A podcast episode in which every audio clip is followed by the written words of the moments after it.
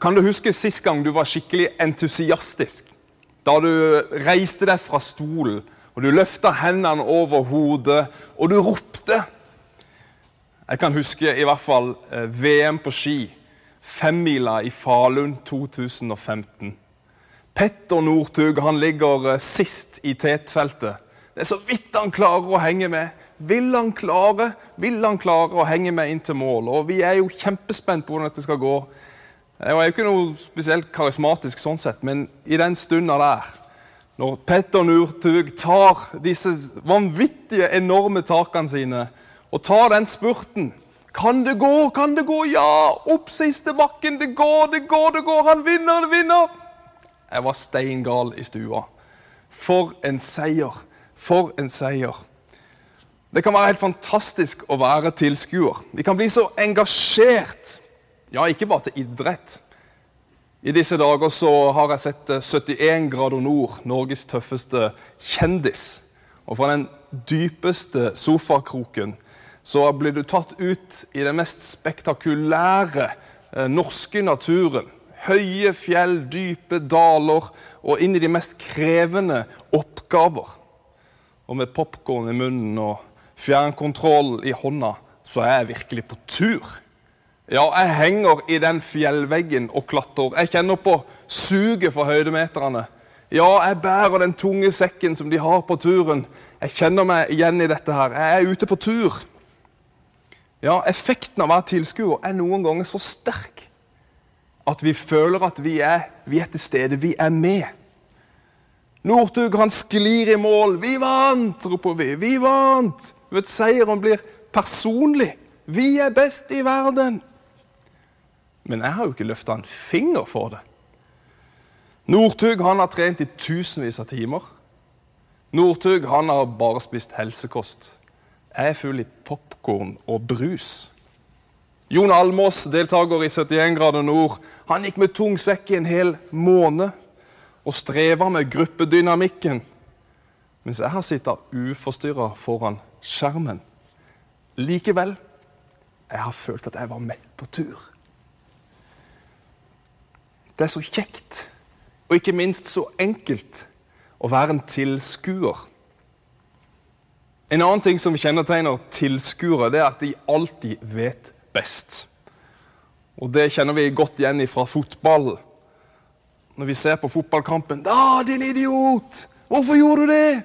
'Nei, skyt! Nei, ikke skyt!' 'Å, for en elendig pasning!'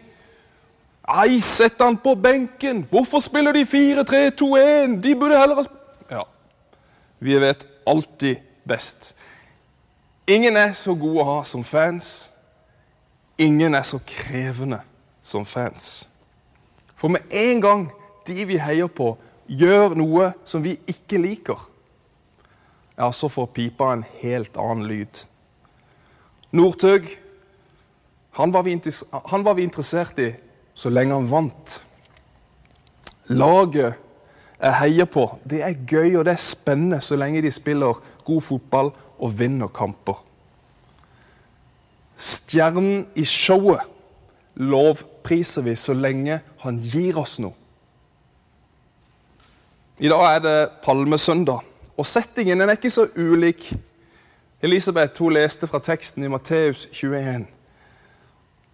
Jesus som stort sett har holdt seg på landsbygda til nå.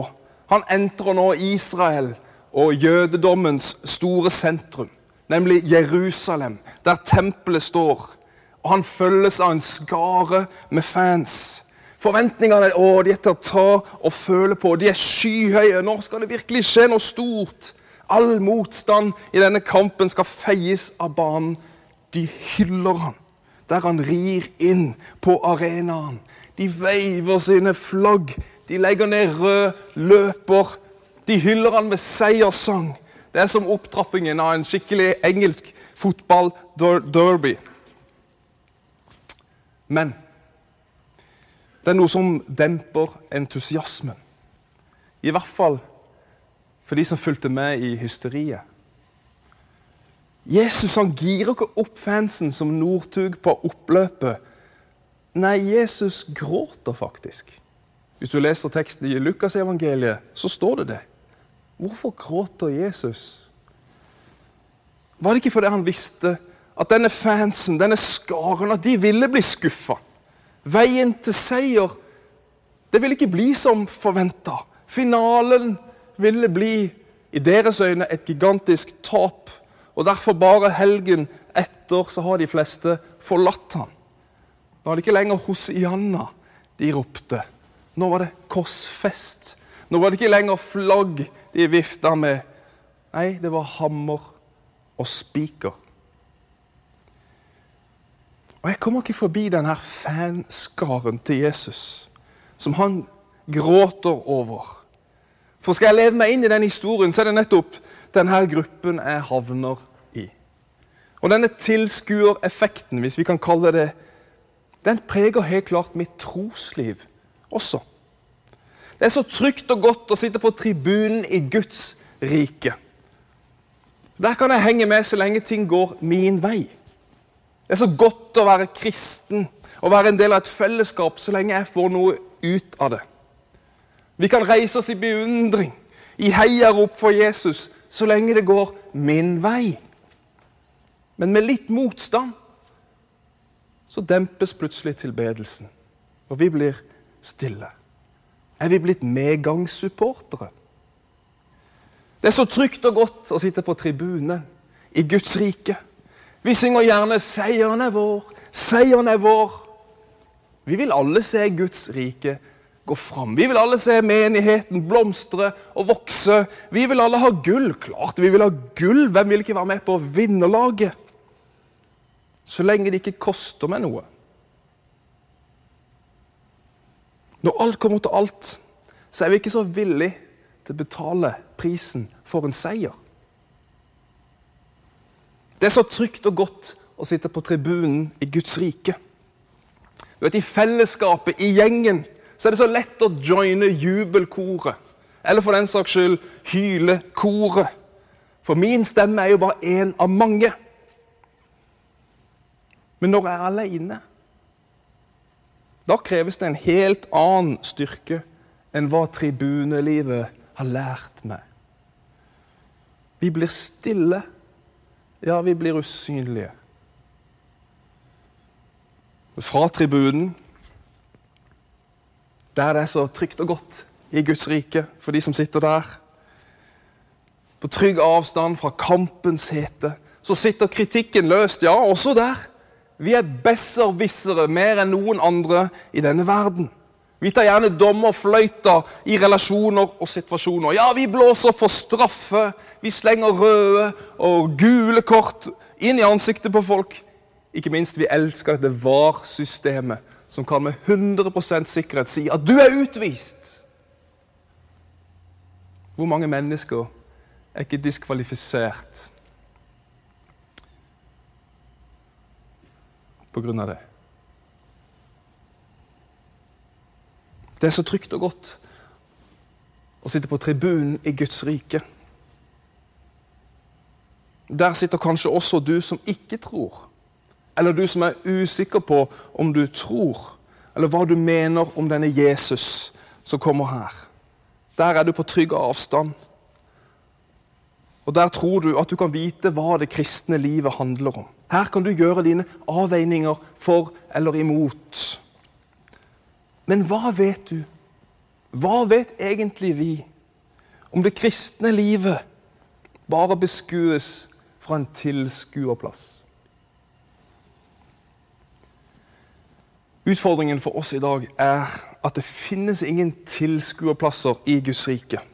Jesus trenger ikke supportere. Han trenger etterfølgere. Jesus sa jo ikke 'se på meg', 'hei på meg'. Nei, han sa 'følg meg'.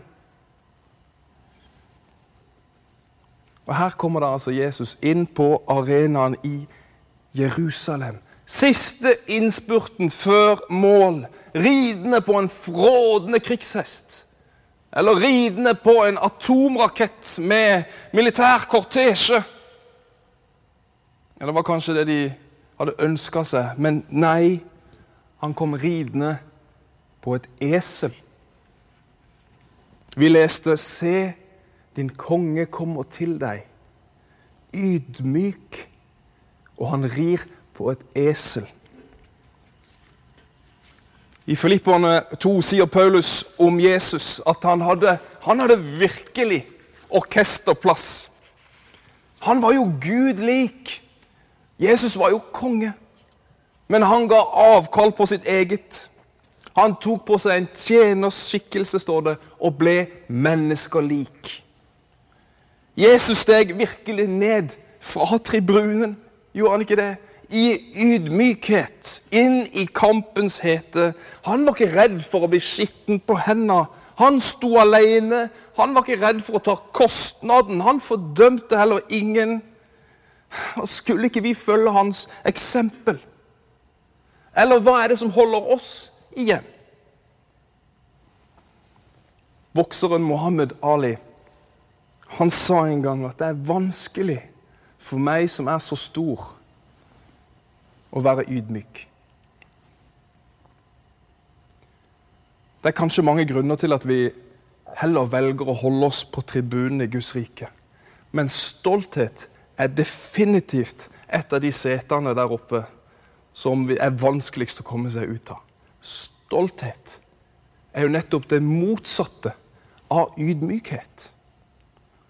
Stoltheten den kjemper for å bevare egoet mitt. Den setter fokus på mine behov. Det er greit hit, Jesus, men ikke lenger. Men Jesu vei er ydmykelsens vei. Der er det ikke plass for 'jeg vil' eller 'jeg skal'. Der er det bare plass til det han vil. Døperen Johannes sier det. Han, altså Jesus, han skal vokse. Jeg skal avta. Stoltheten den passer også på at prisen, kostnaden ved det kristne livet, den er fornuftig. Ja, den skal være beregnelig. Men Jesus kaller oss til å gi alt. Stoltheten passer på ja, at ikke jeg skiller meg ut blant mennesker. Det vil jeg ikke. Men Jesus sier dere er verdens lys. En by som ligger på et fjell, det kan ikke skjules. Stoltheten sier at 'ja, men jeg er god nok'. Men Jesus sier 'Jeg er ikke kommet for å kalle rettferdige, men syndere'. Hm. Og er det ikke fra stoltheten vi sier at 'nei, jeg trenger ingen Gud'? Guds ord sier Gud står de stolte imot, men de ydmyke gir han stor nåde. Det står i Jakobs brev, og litt lenger ned i samme avsnittet så står det derfor. Derfor ydmyk dere. Ydmyk dere for Herren, så skal Han opphøye dere. Og Var det ikke akkurat det Jesus gjorde? Han ydmyker seg. Ridende inn kommer han til sin egen død i tillit til at Gud skulle opphøye ham, noe han virkelig gjorde. Og Mens jeg står i denne fanskaren og roper 'Hosianna', som betyr 'Gud frels', som om det gjaldt noen andre Men alt jeg ser og alt jeg kjenner, er min egen stolthet og egentlig behovet for å følge etter Jesus.